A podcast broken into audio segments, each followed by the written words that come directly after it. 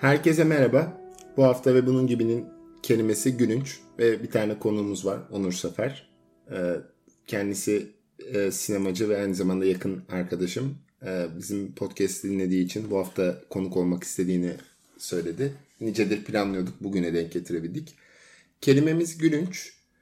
Ee, kelimeyi seçerken de üzerine e, muhabbet ettiğimizde şöyle bir e, tartışmaya gittik. Acaba gülmeyi mi seçsek e, gülün, yoksa gülünç mü olsun diye e, üzerine de düşündük. Şimdi e, özellikle günümüzdeki Türkiye'deki politika ve e, durum itibariyle Zaytun haberlerinin bile belli bir noktada gündeme dair bir şey ifade ettiği bir düzlemde yaşıyoruz. O yüzden aslında her şey birazcık gülünç ve absürt durumda. Zaytun duruyor mu ya? Zaytun duruyor. Gerçekten mi? Evet. O kadar zamandır görmüyorum ki ben herhalde yok olmuştur diye düşünüyordum ya.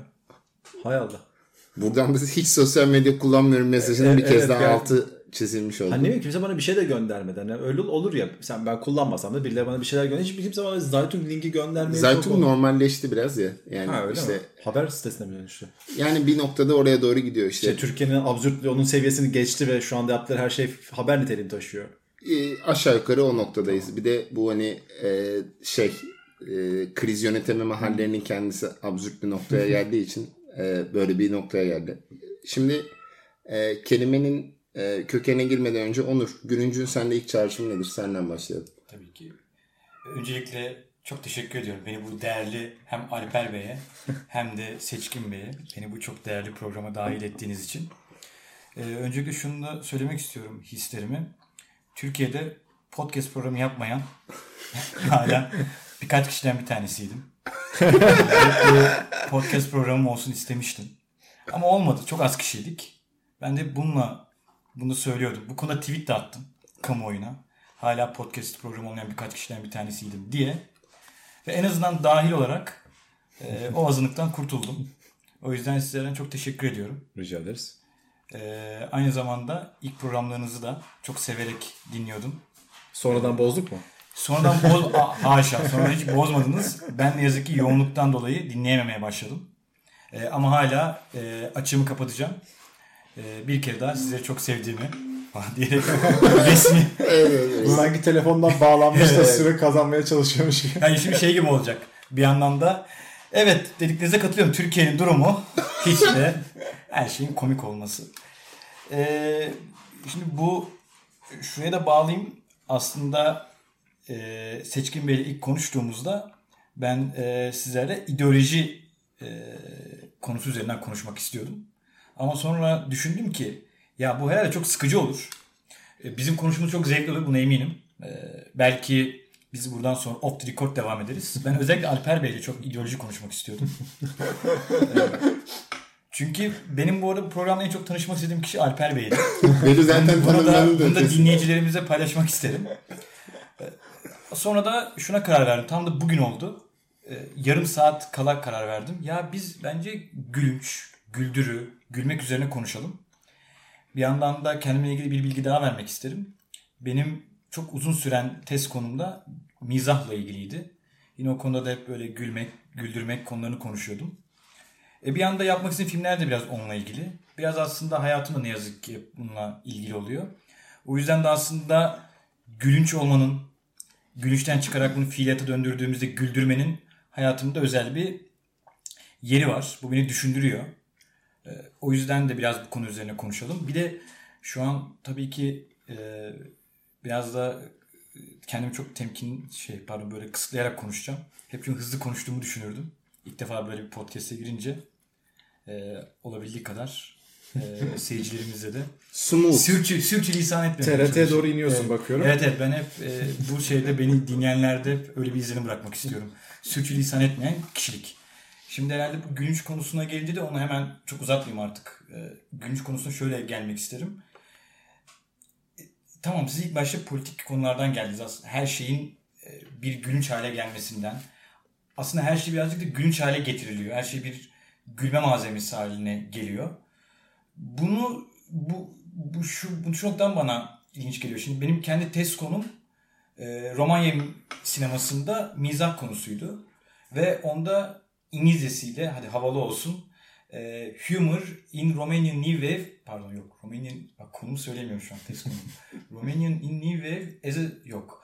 Humor as a social as humor as social critic in Romanian New Wave. Yani Romanya yeni dalgasında mizahı bir social kritik etme olarak yani toplumsal eleştiri bağlamında ele almaktı. Tabii bu e, yani bilmeyenler için de birazcık anlatmak gerekirse Romanya eski totaliter e, rejimle yönetilen bir toplum. Tabii ki bu da tartışmalı bir kavram. E, Teze böyle yazdım tabii. Ee, tabii ki buradan da sonra dinleyicilerimiz benim böyle e, banal bir e, tırnak içerisinde liboş olduğumu düşünmesin. Ama e, genel batıdaki algılamasından bahsedelim. Totaliter bir rejim. E, ama şurada bir gerçek. Tabii ki kısıtlayıcılardı. E, Her şeyle mizah yapılması izin vermiyorlardı. E, bir partinin denetlediği bir toplumdu. Ve orada da mizahın bir etkisi vardı yani. Bir, bir bu baskıya karşı bir direnme etkisi vardı. Ama benim izlediğim ya benim izlediğim ve açıkçası mizahını incelediğim filmler tam da yeni Romanya ile ilgiliydi. Yani sosyalizm sonrası. Çünkü Romanyalılar bunu demokratik bir devrim yaptıklarını düşünüyorlar 90'da. Ve tam o devrim sonrasında e, mizah bir sosyal kritik olarak yeniden çıkıyor. Ve burada da klasik bir e, nokta çıkıyor aslında. Mizah bir kaçış mı? E, mizah bir kaçış unsuru olarak mı kullanıyoruz? Tabii ki bunu Türkiye'ye adapte edersek şöyle bir nokta geliyor. Türkiye'de bir kaçışımı simgeliyor. Özellikle son dönemdeki toplumsal olarak işte hani daha totaliter, daha baskı e, unsurlardan bahsediyoruz ya. Gerçi bunun konularına da girmeyelim. Girsek mi bilmiyorum. Daha yeni. Yok o. Ee, şey, şey, hadi espriyle başlayalım. Silivri çok soğuktur. Mesela Bu klasik. ama zaten tüyleri Evet. ürpertiyor. Bu espri ben bunu gördüğümde yani zaten hayattan bir çekiliyorum.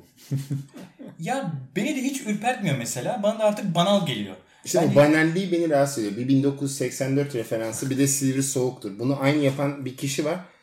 Normalde iyi bir hukuk akademisyeni ve e, bundan dolayı artık o olduğunda veya onu tweet eden ya da beğenen kişilerde bile bende antipati oluşuyor. Çünkü 1984 ve Silivri Soğuktur şakası yani entelektüel düzey olarak orası beni rahatsız ediyor. Yani bana göre ne bileyim e, cinsel organını göstermek gibi hani bayağı şakada hani fiziksel şakadır ya hani "Oh!" falan yapılması gibi. Bana Silivri Soğuktur onun mental olarak aynı hissi uyandırıyor. Ya bir yerden sonra aslında hissizleşmesiyle karşı karşıyayız. İnsan bir şey hissedememeye başlıyor. Ee, aynısı çok tekrar et- tekrar edince. Ya çünkü artık etkiyi yitiriyor. Şöyle de ilginç bir olay var aslında. Biraz hadi mizah teorilerine girelim.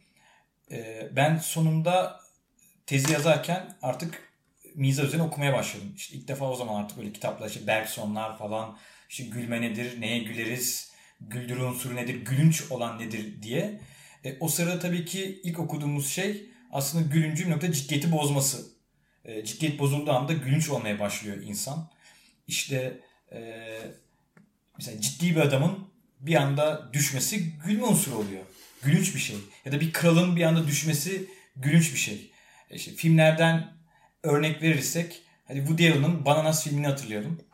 Ee, siz izlediyseniz ya da dinleyicilerimiz, saygıdeğer dinleyicilerimiz izlediyse e, Bananas'ın bir sahnesinde Woody Allen işte date'e gidecek. E, güzelce hazırlanır. Her şeyini e, böyle saçını tarar, gömleğini giyer. Arabayla gider. Tam kapısını açar. e, Çıktığı anda hop bir kanalizasyon düşer arabanın kapı açtığı bir yerde. Aslında bütün her şey e, çöpe gitmiş olur. Bütün o hazırlık. Bu gülünç bir şey. Çünkü e, dalga geçirecek bir unsura e, gidiyor. İşte mesela Bergson bundan dolayı hep gülüncün çıktığını söyler. Bu tezatlıktan dolayı. E, yani tabii bu da çok tartışmalı bir kavram da daha sonra yeni gelen mizah teorisyenleri bu yeni dönem Alenka Zupančić gibi isimler bunun da biraz ötesine geçiyor. Ama bu e, kısmı ilk nok çıkış noktasına gelirsek bir haklılığı var. Gerçekten o ciddiyetin bozulması gülünç bir hale gelmeye başlıyor. Şimdi bunu şuraya bağlayacağım. Aslında bir şeyin tekrar etmesi de bu arada gülünç bir şey. Bir şey sırf aynı şey tekrar edince gülünç oluyor. Hadi yine onu da çok herkesin bildiği bir örnekten gidelim. Gora'da bizi güldüren sahnelerden bir tanesi nedir? Devamlı bir adamın arada çıkıp bir cisim yaklaşıyor demesi. Ya bir cisim yaklaşıyor ilk dediğinde komik değil bu arada. Ama farkındaysan artık en çok ben sinemadayken güldüğüm yeri şeyini hatırlıyorum. Beşinci geldi bir sahne vardı yani. Çünkü ara ara geliyordu. Evet, Hep siktir gülme lan gibi falan. yükseliyordu artık. En sonunda geldiğinde ama artık o kadar çok gülmüştük ki. Çünkü bu artık yeter diyordu. Şimdi bu tekrar etti güldürüyor. Bir şeyi ısrarcı olmak. O basit şeyin. Ee, ama buradaki tekrar, bunun aynı yapılması tekrar böyle bir şey değil. Bu bir yerde artık hissizleştiriyor. Ee, yani çünkü artık orada komik unsuru yok. Yani büyük ihtimalle herhalde bunu ilk yapan kimdi bilmiyorum. Twitter'da ya da hangi sosyal medyada. Yani Silivri Soğuktur esprisini ilk yapan kimse. Bunu merak ediyorum bu arada. Bunu da bir date'de mi yaptı, bir kadına mı yaptı, nasıl güldürdü bunu. Ama ondan sonra o etkisini yitirdi artık. Ve yani çünkü kimse artık bunu bir mizah unsuru olarak yapmıyor. Biraz da o. Ee, artık o unsurunu da yitirdi. Ben biraz buna da ilgisi var. Çünkü tekrar bunu bir gülünç, güldürü unsuru yapmak istediğin zaman etkisini e, gösteriyor. Seçkin bir şey diyeceksiniz herhalde. Yok. Alper sen Yani oradaki etkisini kaybetmesinin sebebi basit bir gerçekliğe dayanıyor. Yani başta aslında var olan bir gerçek olan ve aslında yüzleşmek istemediğimiz bir şeyi dışarı vurduğumuz bir durum aslında. Yani niye kimse Silivri soğuktur espri. Silivri'nin nerede olduğunu bile bilmiyorduk bir süre önceye kadar. Yani hani sonra artık her şey Silivri geçer hale geldi. Ve o gerçekliğin aslında ortadan kaldırılması. Yani hani, e, nasıl ifade edeyim? E, ama normalde bu komikliğin bir yerde bitmesini bekliyorduk. Hepimiz muhtemelen. Yapan kişi de muhtemelen öyle bekliyordu. Yani şimdi tekrar ediyor olmasından dolayı komik olmayacak. E, bu gerçeği de aslında sürekli tekrar yeniden üretiyor haldeyiz. Bu espriyi yaparak. Muhtemelen o yüzden kaybettik onu. Yani ne baskıyı dağıtabiliyoruz sadece kendimize bunu hatırlatıyoruz. Ee, 1984'te benzer bir durumda bence. e, şimdi Onur'un söyleyecek yani sen bir şey söylemeyeceksen ben Yok yok söylemeyeceğim buyur. Şimdi ben burada e, söylediklerim bende üç tane başlığı çok e, çağrıştırdı. Yani ben e, şunu önce söylemek istiyorum. Bu bir şeyin tekrarının çoğalması ve anlamını yitirmesi çok önemli bir nokta bence. Yani şöyle çok önemli bir nokta. Mesela gibi sen de ben de çok severek izliyoruz. Artık e, gibiye o kadar maruz kalıyoruz ki hani gibideki mesela işte şey ben senin neydi e, e, e, hoşgörünle ne hoşgörünle Yani ben replik hatırlayan bir insan Evet. ama anladım. Evet, o- Dinleyen herkes de Evet anlamıştır. tamam. O işte o hoşgörü hoşgörünle e, karşılanmaya şimdi belli bir noktadan sonra şu oluyor. Bu aynı zamanda WhatsApp'ta sticker kullanmak da benzer bir nokta. Artık belli bir süreden sonra o imaj ya da diyalog tekrardan tekrardan anlamını yitiriyor. Hatta belki tersine doğru gidiyor. Yani tersinde bir anlam ifade ediyor. Mesela e, Alper'in çok nefret ettiği Matrix 4 filmi. Ben o kadar tiksinmedim. Ben bir de noktada nefret ettim. Alper bir kez sizinle. Yok ya. e, parodileşmeye doğru Açma gidiyor ya. Morpheus'un mesela parodileşmesi. Ben mesela filmin ilk yarısını... Parodileşmeye doğru gitmiyor zaten parodi. Evet. Yani o ilkindeki şeyin o aslında e, Morpheus'un adeta intikam alırcasına resmedilmesi. Yani bu bende şöyle bir noktaya doğru geliyor. Bir, e, komik olan şey zamanla normalleştiriliyor ve aslında bu birebir ilişkilerimizde de. Ya mesela ben zaten orada şaka yapıyordum gibi aslında sonsuz bir meşruluk alanına doğru gidebiliyorsun. Yani hani "Aa, ben seni kırmak istememiştim. Aslında orada şöyle yapmıştım gibi. Aslında o komik olan ya da gülünç olanın alanını genişletebiliyoruz ya. Çünkü şaka yaptımla sıyrılabilirsin. Yani buradaki en aptal eşek şakasından enseye vurmaktan tut aşağılamaya kadar aslında her biri gülünç olabilecek absürt şeyler. Yani bu işte bu bizim aslında ilkokul e, sıralarında maruz kaldığımız. Bu hepimizin başına gelmişti klasik.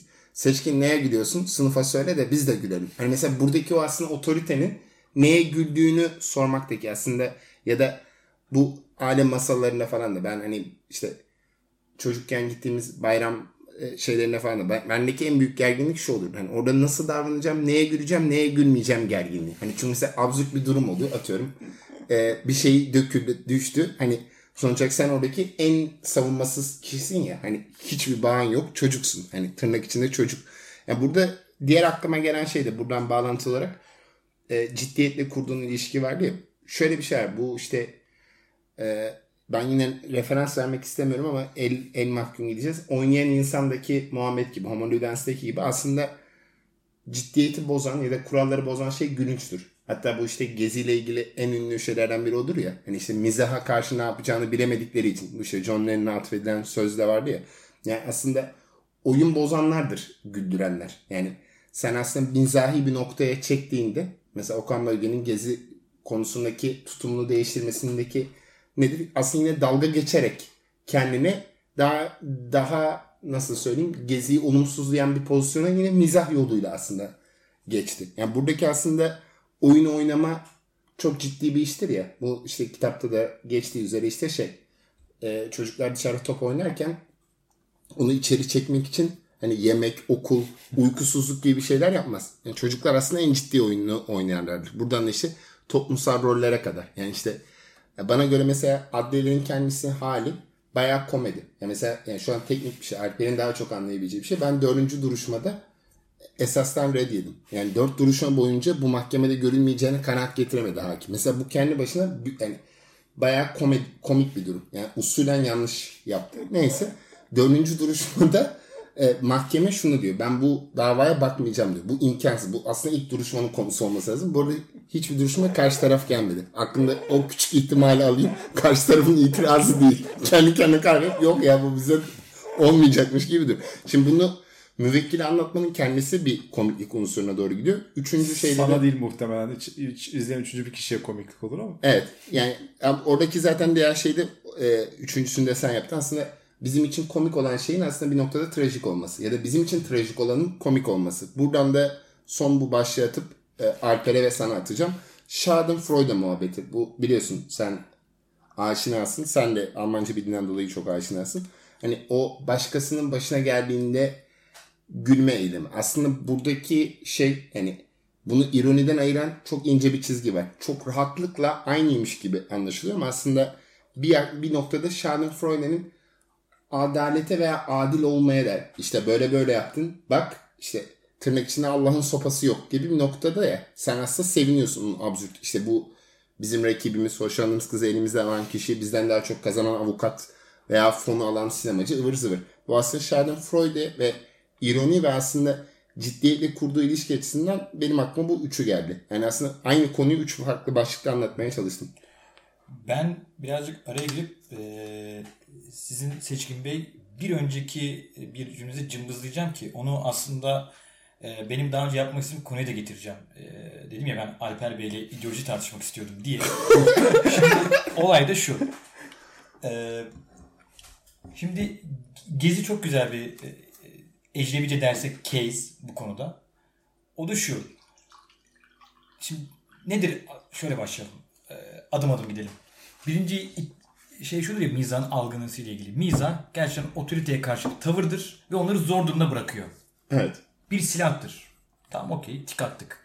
Sonra ikinci dosyamıza geldiğimiz zaman, case'imize geldiğimiz zaman bir gezi direnişi var. Gezide diyorlar ki egemenleri kim e, zor bırakıyor? Mizan. Çünkü herkes o kadar fütursuzca komik ki e, Sayın Cumhurbaşkanımız ne yapacağını bilemiyor sırada. Sanki böyle bir algı olmaya çıkıyor.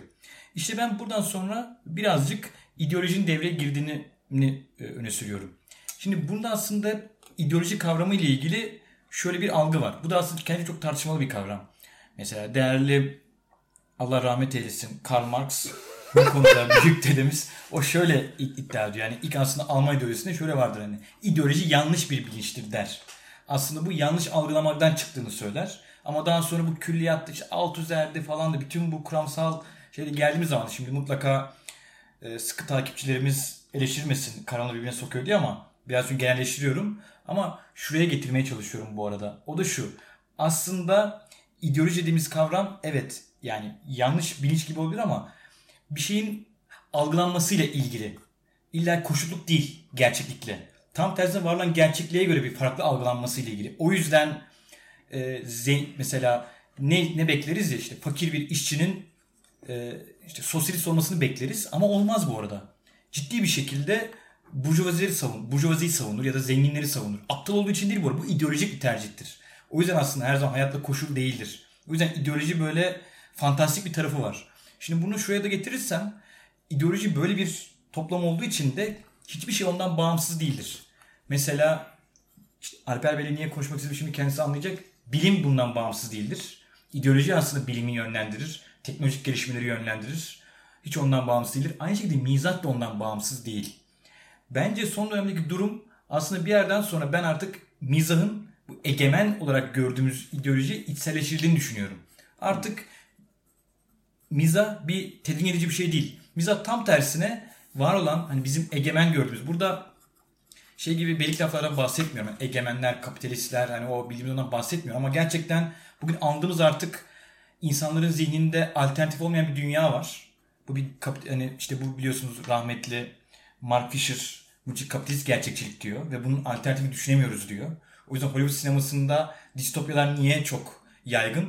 Çünkü şey kapitalizm bittiyse bitti. Bunun alternatifini düşünemiyoruz. O yüzden kapitalist gerçekçilik diye bir şey var. Ve miza artık bu egemen yani bu kapitalist gerçekçiliğin bir kendini aa, yeniden üretme. Yeniden üretme ve aynı sürede şey bence iyileştirme yeri oldu. Bir kimiydi bilmiyorum bir laf olduğundan bahsediyorlar böyle eski bir laf. Ee, mızrak yarasını yine o iyileştirir diye. Mızrak mızrağın kendisi iyileştirir diye. Hani gibi bir şey şimdi bulamadım. Ee, bakalım öyle bir bir böyle bir Beyaz Yiğit'in en çok korktuğu şey de biliyorsun. Mızrakla öldürülmek biliyorsun bunu. Onu onu bilmiyorum. evet. Ha tamam tamam gördüm. Neyse. Ama buna benzer bir laf var. Hani onu açılan yarıyı ancak o tür bir şey kapatabilir gibi bir olay. Bence mizahın açtığı o gediği artık yine mizah kendisi kapatıyor ve bir yerden hissizleşmeye başladı. O yüzden diyorum son dönemde baktığımız zaman bugün e, altılı masa dediğimiz e, beyler bile güncel siyasete gireceksek mizah yapıyorlar. E, çok ilginç bir şekilde. Ya komik değil ama yapıyorlar, deniyorlar. E, bu çok, çok ilginç bir durum. Ya tıpkı Silivri Soğuk gibi. Çok merak ediyorum şu. Ya bu yüzden de bu artık ama şunu söyleyeyim. Sıradan insan da artık e, çok mizah yani her zaman komik oluyorduk ama şimdi artık performansımızı gösterebiliyoruz ya sosyal medya sayesinde.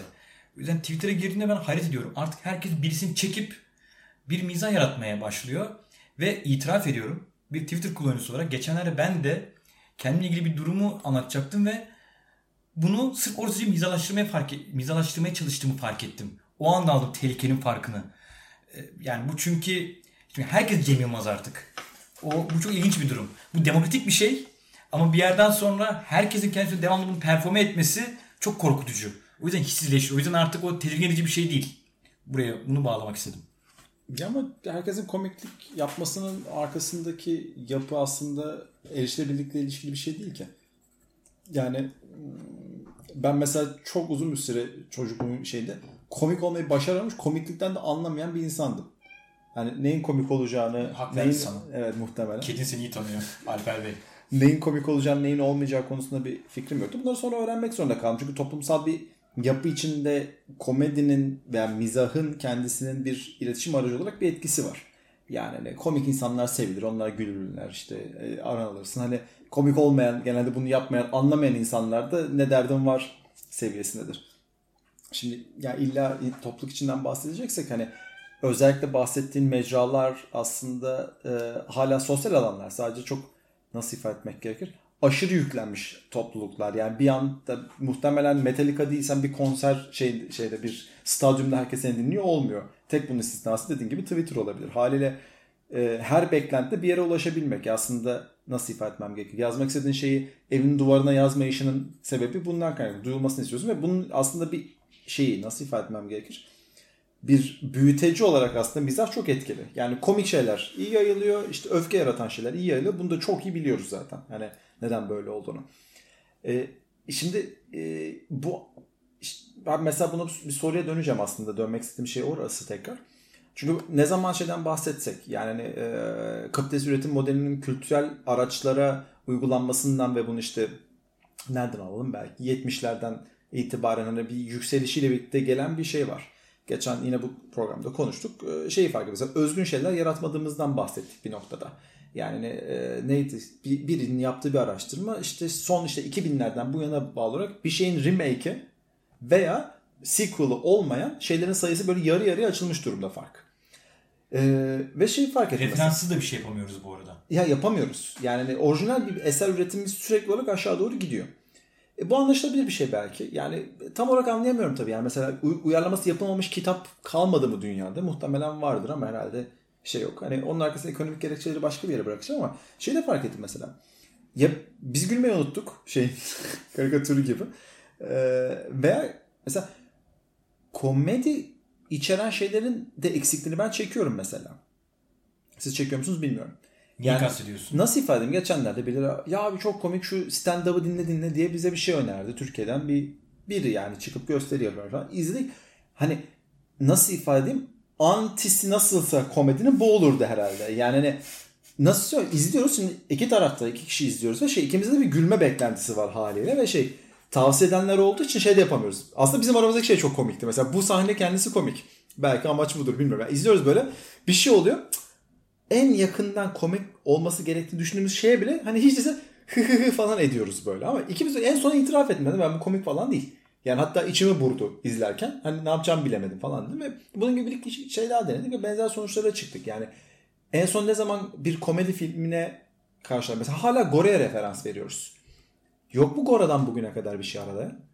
Yani ne ifade bilmiyorum. Cem Yılmaz hala yaşıyor. Bir şeyler demiyor. Cem Yılmaz'ın bile hala en son attığı şey bir tat bir doku. Yani o da 6 CD'ydi. Takıp takıp izlerdik falan yani. Hani, e, Bozdu diyorlar Cem Yılmaz. ya bozmuştur. Ayrı mesele. Yani şey Cem Yılmaz bozmanın ekmeği yenmesi de farklı bir şey yani. Ben, o da ayrı bir nokta yani. Evet. Ya yaratıcının sonsuza kadar sürdürmesi çok normal yani. Cem Yılmaz'ın ekmek yediği bir grup şey vardı. Yeni bir şeyler buluncaya kadar Cem Yılmaz olarak kalmaya Ama- devam edecek. Şöyle ama yeni nesilde işte yeni olanaklar çıktı ya. Örneğin bir TikTok videosu olur. Örneğin bir YouTube videosu olur. Ee, bunlara gülmüyor musun? Yani hayır. Yani nasıl ifade edeyim? Çok nadir. Yani onlarda şey hani çok Umut Sarıkaya'ya gülüyorsun sen. Umut Sarıkaya komik ama yani hani o şey hani adam o kadar geniş bir havuzun içinde yüzüyor ki zaten nereye yüzerse yüzsün komik olacak yani. Naziler, Sovyetler şey hani e, Ara Güler gibi alt kültürün parçaları falan bu havuz zaten o kadar geniş ki adam hayatın sonuna kadar çizdi çizer muhtemelen. Yani ifade etmek istediğim şey e, daha şey yani TikTok videolarının şeyleri komik ama yani o kadar primal bir noktada komiklik ki bir süre sonra uyuşuyorsun zaten ona. Ama ben burada şimdi sözünü keseceğim. Şöyle bir durum var. Örneğin eskiden, eskiden diyelim 20 sene önce diyelim bir taklit gülmemiz için o taklidi ya olacak kadar Levent Kırca'nın yapması gerekirdi makyaj yapıp yahut Ati Demirer'in yapması gerekirdi. Birkaç insan vardı. Ama şu an bir genç kalkıp Sayın Cumhurbaşkanımızın taklidini yapabiliyor ve gülüyorum ben. Doğru. Ya da Sayın Devlet Bahçeli'nin taklidini yapıyor, gülüyorum. Bahçeli'ye de gülebilirsin gerçi. Evet evet. Hayır e, o da bir gerçek ama onu söylemeyelim yine. Ee, Silivri soğuk. evet, evet tam bunun olması gerektiği yerde. Ama onları bunu şundan dolayı söylüyorum. Bence bu dönemki farkı şu. Artık bunu belki o normalde insanın günlük hayatta yaparken etrafını güldürebiliyordu. Artık bu olanaklar sayesinde beni güldürebiliyor. Artık biraz daha herkes gündelik hayatı bize yansıtabilmeye başladı gündelik hayatını.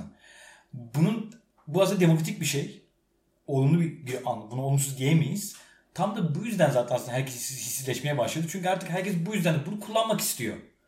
Ve bunu kullanırken o yüzden diyorum e, yeniden de çünkü kimse bunu bir var olan bir şeyi yapmak zorunda değil bu arada. Yıkıcı bir yönüyle yapmıyor. Zaten kendi yaralarını sarmak için yapıyor. Ve bu yaralarımız aslında yeni bir gerçek, farklı bir gerçekçilik olduğunu bildiğimiz için yani bir alternatifimiz yok daha iyi bir dünya için. Ki burada alternatiften kasıt Türkiye'de yaşıyorsak işte e, ne bileyim AK Parti'den sonra kim gelecek alternatifinden bahsetmiyorum. Alternatif daha geniş bir durum. Sonuçta bugün Amerika'da bile işte birçok insan oy kullanmak istemediğinden bahsediliyor. Bu demek ki alternatif siyasi partilerin dışında bir durum. Şu an yaşadığımız dünya ile ilgili bir durum. Eğer böyleyse artık insanlar o yüzden yaralarını sarmaya başlıyor. Bugün ya da ya da bunu şöyle kapatayım. Uyuşturucu gibi bir hale gelmeye başladı artık. Ya bilmiyorum son zamanlarda ben çevremde daha fazla insanın işte uyuşturucu maddeler, işte ot ya da e, çeşitli şeyler kullandığına şahit oldum. Bu da kimseyi yargılamak için değil. Tıpkı kimseyi çok güldürdüğü için yargılamadığım gibi ya da her şey espri malzemesi çıkardığı için yargılamadığım gibi. Ama ilginçtir. Bu şu an neden unuttum filmin adını. Bu e, Seçkin Bey siz bilirsiniz Netflix'te çıkan son dönem Netflix filmi vardı ya. Bu göktaşı çarpacak olan filmin adı neydi acaba? Ha, e, yukarı bak Don't Look Up. Ha, Don't Look Up. Şimdi Don't Look Up'ın e, tam nasıl bundan bahsediyordu. Bir sahnesinde e, Jennifer Lawrence doğru telaffuz ediyorum herhalde. O hanımefendinin e, canlı yayına çıkıp insanlara bağırdığı bir sahne vardı. Her şeyde komik değil göktaşı çarpıyor. Her şeyde gülmeyelim ya sinir krizi geçiriyordu. Çok doğru. Ama tam da benim için bu arada film ha dedim ilginç bir şekilde film ne kadar güzel gidiyor dedim kendi kendime. Ama bence o filmin bu arada e, tam da Netflix filmi olmasını sağlayan şey tam da yüzden dediğim gibi yeniden rehabilitasyona, düzenli rehabilitasyon olan kısmı şuydu. Mizahı o hale alan kısmı şuydu. Tam da filmin sonunu yine parodiye bağladı. Çünkü hatırlar mısınız? Şimdi spoiler olacak. Alper izlemedi. Hiç önemli değil. Spoiler olacak e, dinleyicilerimiz diye başlayan için. hiçbir şey önemli değil benim için. Ama ben yine dinleyicilerimiz için çok... Onları her şeyleri ben onları düşünüyorum burada. Bu üçümüzün sohbet değil. Benim bir benim için namus meselesidir dinleyicilerim. o yüzden de dinleyicilerim için spoiler diyorum bu. na- sonunda o kadar sarsıcı bitiyordu ki hatırlarsınız. Evet evet. Göktaşı geliyordu. Herkes dramatik bitiyordu. Ama sonra tam ilkten sonra parodik bir şey geldi yine. Ve güldük. Bu tam da bence yine de onu şuydu. Tamam tamam böyle noktası var ama benim yine parodileştirmem gerekiyor. Yani yine sarmam gerekiyor. Çünkü bunun bir alternatifi yok.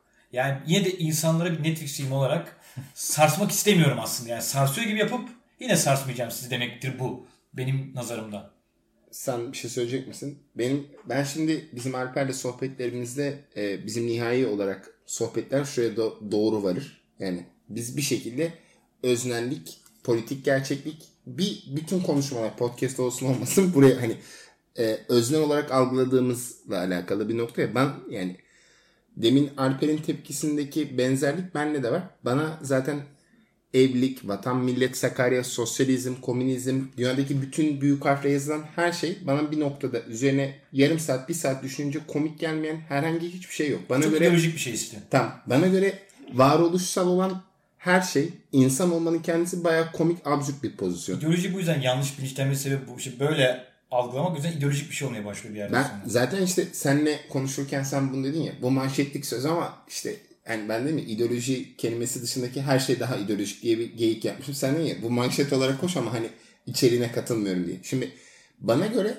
zaten evlilik kurumundan tut e, bir yerde beyaz yakalı çalışıp çalışmamak, meslek tanımı, başarı tanımı, önde olmak, popüler olmak veya işte bir şeylerden sakınmak, burç. Ya mesela bana şunlar çok komik geliyor. Mesela e, benim en çok maruz kaldığım hani e, basit ateist şakalar vardı ya hani işte mesela bu kalemi yaratıcısı sanatlı kalem geyikleri vardı ya ara çok popülerdi. Şimdi o bendeki şey şu bir şeyin sivri soğuk seviyesi en alt seviye diyelim.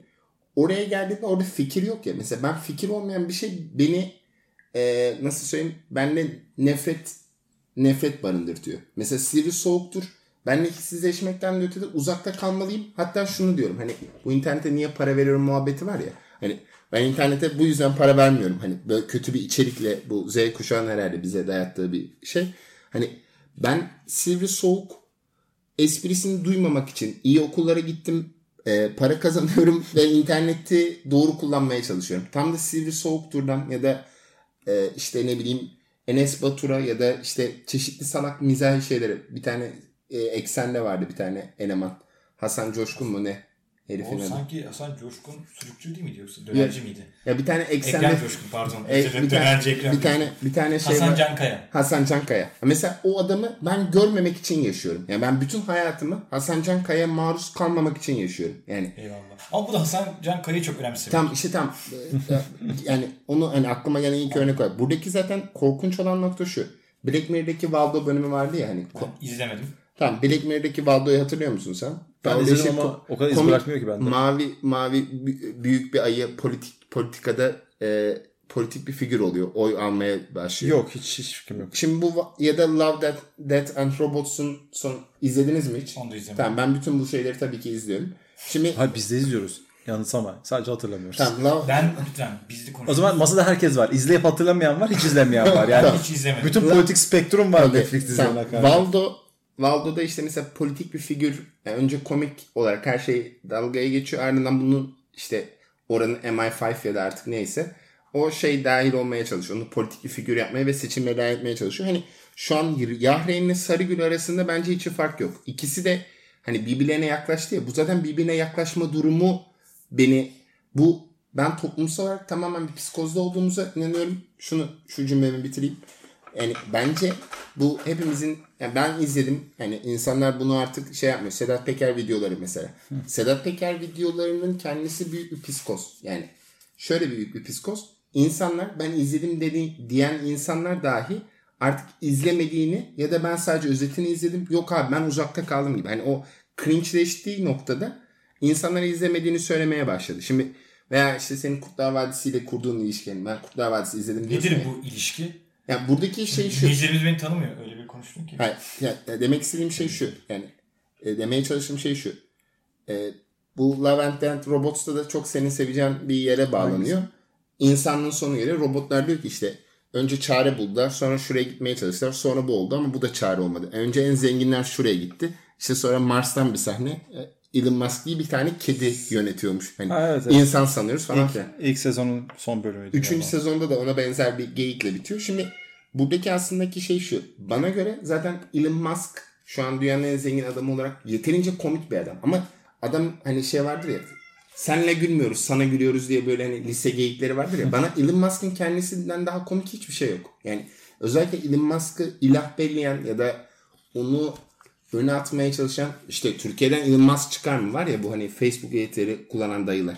Hani çıkmaz. Evet tam e, yani bence zaten kurtarıcı modellerin birbirinden daha palyaço olması. Ya mesela adam Twitter üzerinden spekülasyon yaptı. Alacağımı almayacağım. Adam aslında kapalı çarşı esnafı. Yani sadece e, teknolojiye ilgilendiği için sakal programı yaptığı için PayPal. A- ailesinin zümrüt madeni olduğu için. Tamam. Ee, neyse yani buradaki varmaya çalıştığım nokta da şu. Aslında her şey bence mizahın yararlı olduğu ya da de- değiştirici devrimci rolü şu söz mesela benim aklıma hiç çıkmadı. Bunu e, o gümüş suyunda da görmüştüm. Hepiniz de bunu gördünüz. Cem, Camırıyor. Allah'ını seven defansa gelsin. Mesela buradaki bu senin mızrak örneğine buradan bağlayacağım. O yüzden bunu özel not almıştım. Hani orada bir orantısız güç var ya. Yani bu sonra orantısız mizah. En gerizekalı espri bile. Onlar salak ha ha ha. Ya burada da şuraya varacağım. Bu yine benim çok sevdiğim ama muhtemelen sizin izlemediğiniz bir Twitter fenomeni lafı. Hayatında AK Parti'ye oy vermemek dışında hiç olumlu edim yapmamış insanların durduğu bir pozisyon var. Yani bence zaten herhangi bir edim ya da pozisyon üzerinde çok kontrolümüz olduğuna inanmadığımız bir yerden kimlikleniyoruz ya. Zaten mizaha durduğumuz veya beni güldürmüyor. Yani mesela ben uzun süre Recep İvedik'e gülmediğim için abi sen snob takılıyorsun. Abi komik değil mi? Ama komik bu arada Recep İvedik. Abi ben tiksiniyorum. Yani Değil Ama ya. komik. A- ama Gerçekten mi? Ben bunu savunurum. Komik. abi bana hiç gelmedi yani. Ya, Hiç. Ben ilk, ilk filmi için söyleyebileceğim sahneler var. O sahnelerin pek çoğu da hani Türkiye ilişkin şeyler ama Zaten bundan bahsediyoruz bak. Ben şunda şunu kesiyorum bak. Ben şimdi burada araya gireceğim böleceğim ama zaten bence güldüğünç dediğimiz şey, güldür ya da komedi için bunun çok dışında bir şey. Şöyle algılıyoruz bazı şeyler. İşte Recep İvedik komik. Hayır abi Recep İvedik komik. E, Kolpaçino da komik bu arada. Sadece bunun bağlamları ve kültürel bir şey bu arada. E, bu tıpkı bir İngilizce olamayacak ya da bazen bir kadın için komik olamayacak şeyler var. Mesela bir kadın Kolpaçino'yu genelde erkek muhabbetine ya da etrafında çok erkek 9 tane abisi yoksa ya da bir mühendislik fakültesi okumuyorsa erkeklerle beraber ya da erkeklerle çok şey olmadıysa onların dünyasını bilmiyorsa gülmüyor. Ama biliyorsa gülüyor bu arada. Çünkü erkek dünyasıyla ilgili şeyleri gülüyorsun. Bu arada ben de gülüyorum. Ama bu şu demek değil bu arada. Yani işte dünyayı kolpaçino gibi algılamıyorum. Ama komik onu görünüyor. Çünkü öyle bir tipolojilerin olduğunu farkındayım. Tıpkı Recep İvedik'e gülmem ya gibi. mesela çakallarla dansı ben beğendim. Yani ben snob değilim. Ki bu cümlenin kendisi bile çok rahatsız edici bir şey. Hani ben bu benim gay arkadaşlarım var. Evet bir evet, şeydi. işte, evet o pozisyona düşmek beni rahatsız ediyor. Ulan ben neyi beğenip beğenmediğimi hani toplumun algısı Şunu demek istiyorum. Bence seçkin benim. Buradaki olay şu. Her şey gülünç olabilir zaten. Biz bazen burada şeyi ka- karıştırıyoruz. Bir şey nit- yani gülünç olsun ni- şey, niteliksel bir şey değil bu arada. Nicelik doğru bir şey e, kavram değil ama hadi niceliksel değil biraz daha anlaşılsın diye. Niteliksel bir olay o yüzden ısrarla ben altını çiziyorum. Recep İvedik de komik. E, Kolpaçino da komik. Ben burada savunurum bunların hepsi komik. Ben gülüyorum. Dick Turkish Web zaten o başarılı bir komedi. Sen her ne kadar kabul etmesen de. evet evet. Ee, çok ama bak o da mesela şey gibi yani senin o ben bazen sen diyorsun ya öyle tiksiniyorum diyor. Tıpkı Evet. çekirdek ins- yiyen insan e, orada bazen ben sen sen diyormuşsun gibi geliyor bana. Hani bu insanlığa aykırıdır. Kendine saygısı yoktur deyince şey geliyor aklıma senin şey lafın geliyor. Interstellar'ı seven insanın kendi saygısı yoktur demesi geliyor. Hani aynı şöyle çekirdek yerine Interstellar'ı koy. Ben seçkin Serpil'i Tamam şimdi orada karikatürize ettiği ya da inmediği kişiden bağımsız olarak şimdi şöyle bir şey. Ben şunu söylemeye çalışıyorum. Aslında bizim kimliklendiğimiz veya kendimizi tanımladığımız yerde bana göre hiçbir daha muteber değil. Benim durduğum nokta. Yani aşağı yukarı neredeyse hepsi aynı şekilde komik, aynı şekilde saçma ya da boktan. Ben hani mesela ne bileyim bu bazen mesela ben gibi birilerine tavsiye ediyorum. Şöyle garip şey. Buna mı gülüyorsun falan. Yani şimdi bu etik veya ahlak satmadaki şey beni rahatsız ediyor. Çünkü e, insanların her birinin kesinlikle bir kör noktası vardır. Yani atıyorum e, bizi dinleyen Vedat için mesela benim Lars von Trier sevmem. Mesela diyor ki Lars von Trier'i sevmeyi sana yakıştıramıyor falan diye geyikler yapıyor. Şimdi varmaya çalıştığım esas noktadaki şey de şu. Yani bir şeyin gülünç olup olmaması vesaire veya işte bu sonsuz özlenlikler ve metinler arasılık. Aslında bence çağımızın en büyük problemi bir referans kaynağımızın getirilmesi ve mesela atıyorum Cem Yılmaz'ı sevip sevmeme muhabbeti. Bugün bile Twitter'da şey görmüştü. Bir Z kuşağından bir kız şey diyor. Çok cinsiyetçi şakalar yapıyor. Bunu yapmasına bir sıkıntı yok. Sadece bunu yapıyor. Yani bundan dolayı gülmüyor değiliz biz. Yani sen bir şey gülüp gülmediğinde aa bu cinsiyetçi gülmemeliyim. Hayır bu ırkçı diye değil. Irkçılık bir şakaya da gülebilirsin. Orada beynin şöyle çalışmıyor. Yani aa bu ırkçı ve gülmemeliyim. falan diye kendini tutamıyor değilsin. Yani bazen ırkçı bir şakaya gülersin. Bazen gülmezsin. Ki sen e, Woody Allen'ın mizahını biliyorsun. %90 şey o antisemitizm. Aman deme. Evet. Hani, Cancel. hani, cancel evet, evet. Şimdi ama o antisemitizm geyikleri var ya mesela hani işte şey diyor. Sen de seni sevmeyen herkese antisemitist diyorsun. Ya şimdi aslında orada durduğu pozisyona ben çok yakınım. Ama orada durduğu pozisyonun şöyle bir noktası var. O kendisi bir Yahudi olarak yapıyor bunu. Bu noktada Bu önemli mi? e, şöyle bir noktası var ama şunu söyleyeyim. Her zaman önemli değil. Yani konudan biraz hızlıca değişiyor gibi olacağız ama bir tane Alevi olduğunu özellikle belirten e, Pınar Hanım değil mi? Soyadını unuttum şu an. Hayır ben İnfial yaratan hani Alevilik cemevi esprisini yapan e, şeyde, Alper bilmiyor. Bir tuz şey. biberde olan Ben biliyorum sen bir ufak özet geçersen. E, tabii şöyleydi. Yani ismi neydi? Pınar Deniz miydi? Hiç hatırlamıyorum. Ben O sadece da video izledim. bu yeni nesil stand-upçılardan bir tanesi. Ee, Kendisi e, Alevi zaten ve işte sanırım e, Alevi olan dayısıyla ilgili ya da amcasıyla ilgili bir espri yapıyor. Ee, Amcası çok cemevine gidiyormuş. Sanırım ne diyorlar? Namaz şey e, amcam da işte hiçbir şey yapmadan cennete gideceğini düşünüyor. Biz Alevilerde işte böyle rahatız gibi bir ya tam bağla, bu bağlam Evet, bu bağlamda bir şey. işte insanlar zaten işte cemevi yakmaya giderse orada zaten Aleviler bile orada değil zaten gibi bir şey söylüyordu. Şimdi orada şöyle bir nokta var. Ondan sonra bunu hep ben de zaten Aleviyim gibi savundu ama o videoyu izlendiği zaman hiç komik bulmamıştım bu arada. Çünkü yani işte bu Jerry Ofansif Seinfeld mizah. hep derken hayır, ofansif alakası değil. Birincisi şudur. Biraz matematiğiyle alakalı bir şeydir. Çünkü matematiği çok yanlıştı. Zamanlaması, nasıl söylediğine, bağlamıyla ilgili bir şey. Bir de ikincisi şey şu. Şimdi nasıl e, Woody Allen'ın Woody Allen'ın yaptığı o Yahudi esprisinde kendisi Yahudi olması bir mesele ise tıpkı aynı şekilde ben Aleviyim diye de o espriyi o şekilde yapamıyorsun. Bunun hepsi bir bağlamı var. O yüzden aslında mizah da matematikle ilgili bir şey. Onun oradaki söyleyiş tarzı bu arada açık konuşmak gerekirse bir sünni gibi yapıyordu bunu. Hiçbir Alevi gibi değil. Çünkü farkındaysa hiçbir zaman o esprileri yani bir Yahudi olarak Yahudi ile dalga geçiyor. Ama o şimdi Alper Bey bilmiyor bu programdan sonra umarım baktı bana hak verecektir diye düşünüyorum. Hanımefendi onu gayet bir sünnilerin yaptığı şekilde yapıyordu. Yani onları yıllardır aşağılandığı şekilde. Aslında böyle bir noktalar var. O yüzden aslında politikadan bağımsız değil. Ofansif mizatta. Yoksa evet işte ofansif ben de ofansif mizahı çok seviyorum.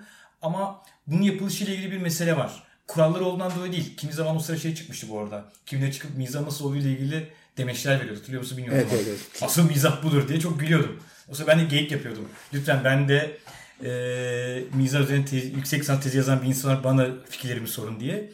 Çünkü bu mesele yanlış algılanıyor. Birisinin mizah budur demesiyle ilgili bir şey değil. Ama daha basit bir şey var. Matematikle ilgili bir şey, bağlamayla ilgili bir şey. Şimdi bu politika bilmemekle ilgili bir şey. Biz politikasız bir, yani politik düşünemiyoruz. Burada senin daha birkaç tane söylediğin şeye gelirsen, burada mesela taraf olma meselesinde politik taraf olmak çok başka bir şey. Bence biz politikayı unuttuk. O yüzden yani o yüzden ideolojiyi tartışmamız gerekiyor. Sonra hani bu son yeni dönemde artık ideolojiler yok. Yani senin demen diyorsun yani. Ben hepsi- ideolojiler yok demiyorum. Hayır. Bana hepsi gülünç geliyor. Ya her şey gülünç gelemez sana. Bu tam bu, bu ideolojik bir kavrayış. Ve bu aslında tam da bizim kapitalist gerçeklik dediğimiz şeyi aslında kabul etmek. Tersinden. O fantazmayı kabul etmek. Ya evet. e, her şey benim için aynı şekilde komiktir. Bu zaten şu demek her şey senin için aynı şekilde komikse. Demek ki bu var olan şeyde hiçbir umudumuz yok değişeceği konusunda. Diyerek sana Ben Alper, Ofans yaptım. Alper, Alper çok durdu. Bence kapanış konuşması oldu bu neredeyse yani. Ama sen çok az e, konuya dair yorum yaptın. Yani şey e, nihayetinde be- benim alanım dışında kalan bir şey. E, bir yandan da şey Ulan sen çok komik bir adamsın. Nasıl senin alanın dışında çıkan birisi? Beni en çok güldüren insanlardan birisi. Nasıl senin alanın dışında kalıyor? bu benim doğal halim seçkin ben. bu Düşünerek da çok yapmam. romantik bir e, konuşma oldu. Beni çok sen güldürüyorsun. En çok güldürenlerden biriyim. Beni en çok güldüren Vedat da. Şimdi şöyle bir nokta var. Yani e, ben iki tane öznel şeyden varayım. Mesela biri şuydu. E, Mesela beni en çok e, güldüren durumlardan biri şu. Ben diyalog müziği satranç dersi veriyordum ya gönüllü olarak. İşte bir gün bir arkadaşımla da gittim. Diyalog Müzesi'nde yani bilmeyenler için söyleyeyim bir, bir buçuk saat kadar e, görme engelli biriyle empati kurduğumuz bir şehir simülasyonu. Girdik bir tane adam vardı. E, toplam 7 kişiydik. Üçerli bir grup var. Benim yanımda bir arkadaşım var. Toplam 7 kişiyiz. Bir tane adam var ve bazı insanlar böyle şey yapar ya fark edilmek için böyle sesli şakalar yapar bir şeyler yapar. Adam zaten bir şey bir bomba patlatacağını belli ediyordu. Hani çünkü devamlı o hiç göremiyorum Hilmi sen misin? Oo! böyle hani en ufak şey abartılı tepkiler ve hani aslında bu bir yandan da psikanalitik olarak bir yardım çığlığı. Hani lütfen benimle ilgilenin ve bana özen gösterin. Bakın burada ben de varım gibi bir yardım çığlığı olarak. Ben bunların hepsini Feyyaz Yiğit sağ olsun yardım çığlığı olarak görüyorum. Ben yardım çığlığı attığını zaten duyuyor, görüyordum. En son şöyle bir diyalog oldu. Mesela bu benim hayatımda yanımdaki arkadaşım çok tedirgin oldu ve biraz buz kesti. Ama ben gülmemek için kendimi çok zor tuttum ve bence çok mizahi bir anla. O da şu. Ya dedi biz dedi bir buçuk saat dedi görme engelliliği denemeye çalıştık karanlıkta. Valla sizin hayatınız ne kadar zor. Sizinki de büyük cesaret doğrusu dedi. tamam mesela bundan mesela bu bu. Bak, adamın durduğu yer yani benim yanındaki arkadaşım tedirgin oldu. Ben kahkaha atacağım atamıyorum. Yani çünkü aslında adamın hayvanlığı hani bütün bu cancel culture bilmem neyin çok çok ötesinde bir noktada. Mesela benim hakkımdan hiç çıkmıyor. Ben arkadaşlarıma da bazen kendini kötü hissettiğinde şey diyorum. Ama hayatında hiç bu kadar hayvanlaşmamışsın. Yani bu çünkü hani insan hakları değer üniversite akademi insanlığa dair umudun bittiği bir noktadan yaklaşıyor ya. Hani hani ulan adam intihar etmediği için cesaretli mi? Hani hani hani ulan ben senin yerinde olsam çok sizinki de büyük cesaret doğrusu. Ondan sonra artık bir noktadan sonra kendi kötü hisseden herkese sizinki de büyük cesaret doğrusu diye söylemeye başladım. Şimdi buradaki şey şu. Aslında orada da e, rehberin dediği şey de çok iyiydi. Yani benim bir tercih şansım olsaydı bunun üzerine konuşabilirdik. Ama bir sabah uyanıyorsun e, ve görmemeye başlıyorsun gibi. Aslında buradaki şey şu. Zaten ofansif mizah yapıyorum ben diyen adamdan da ben tedirgin olurum.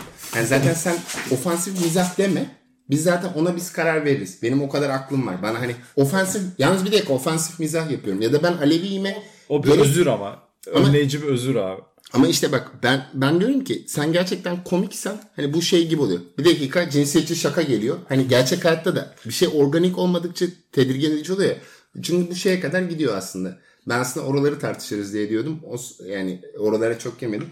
Friends'te gülme efektleri olur ya. Şimdi artık Ofis'le beraber artık o gülme efektlerini hiç görmüyoruz. Var mı artık öyle bir dizi? Yok ama e, buna ne, neden mesela konur? Ben, ben de aslında şey o güzel bir konu. Ben evet, bu konuya sen kesin girersin diye sana beklettim beklettim. Sen açmayınca ben açayım dedim. E, ne, ne, ne bağlamda açacaktın? Yani şu bağlamda mesela o gülme efekti zaman içerisinde artık seyircide bir karşılık bulmaması ve ofisle beraber artık hani var olanın komik olma çizgisine doğru gitmesi ve Arrested Development da herhalde bunların öncüsü. Sen daha takip ediyorsun. Mizah konusunda tezin var ne de olsa. Evet. Yani şimdi tez nokta yok nokta. Yani şimdi buradaki girip, buradaki buradaki şey şu. Bir şeyin zaten e, ne bileyim yanlış bir çıkma teklifi veya kötü bir date'in kendisinden daha komik dünya üzerinde hiçbir şey olamaz. Yani ben okuduğum ya da izlediğim bir şey kendi tanık oldum. Kendi yaptığım salaklıklarla dahil olmak üzere veya maruz kaldım. Bizim doğum günü hikayesi mesela. Sen o bölümü izlemedin ama benim doğum günü üzerine bizim en çok geri dönüş aldığımız şey 40 kişi en az benim doğum günümü kutladı o bölüm üzerine. Ya şimdi mesela o olayın spontanlığı. Mesela mizahtaki şeylerden biri spontanlık ya. Sen e, bu yasak bunu konuşmayalım ya da şu değil e, dediğin noktada zaten bence mizahı geberttin. Yani bu ölüp ölmeme. Mesela işte Özgür Mumcu'nun 24 Ocak'la ilgili bir şeyinde biri e, baban da öyle diyordu. Bak şimdi nerede diye patlamış arabayı mı gösteriyor. Öyle aptal bir espri vardı. Mesela bu komik değil ama mesela onunla ilgili çok komik bir şey var. E, bunu Alper duyduğunda bu gerçek mi dedi. Evet dedim. O da şuydu. Uğur Mumcu öldükten sonra Uğur Mumcu'ya dava açıyorlar. E, bomba patladı ve apartmandakiler bizim güvenliğimizi tehlikeye attı diye dava açtı. Mesela bu bence mesela burada adamın yaptığı şey çok komik. Alper dedi ki bu gerçek mi? Sen mizahlaştırıyor musun? Hayır abi dedim. Suç duyurusunda bulunmuş. Mesela hayatın kendisi komik dediğim nokta aslında burası. Yani aslında tüm absürtlük gerçekte. Burada hepimiz Cem Yılmaz'ız değil. Bence sanat çok zor. Yani ben de bazen insanları güldürdüğümü söylüyorum. Ben asla hani komediye çıkabileceğimi sanmıyorum. Yani stand-up falan da benim haddim değil. Yani o kadar hazırlıklı biri değilim. Ama kastettiğim şey şu.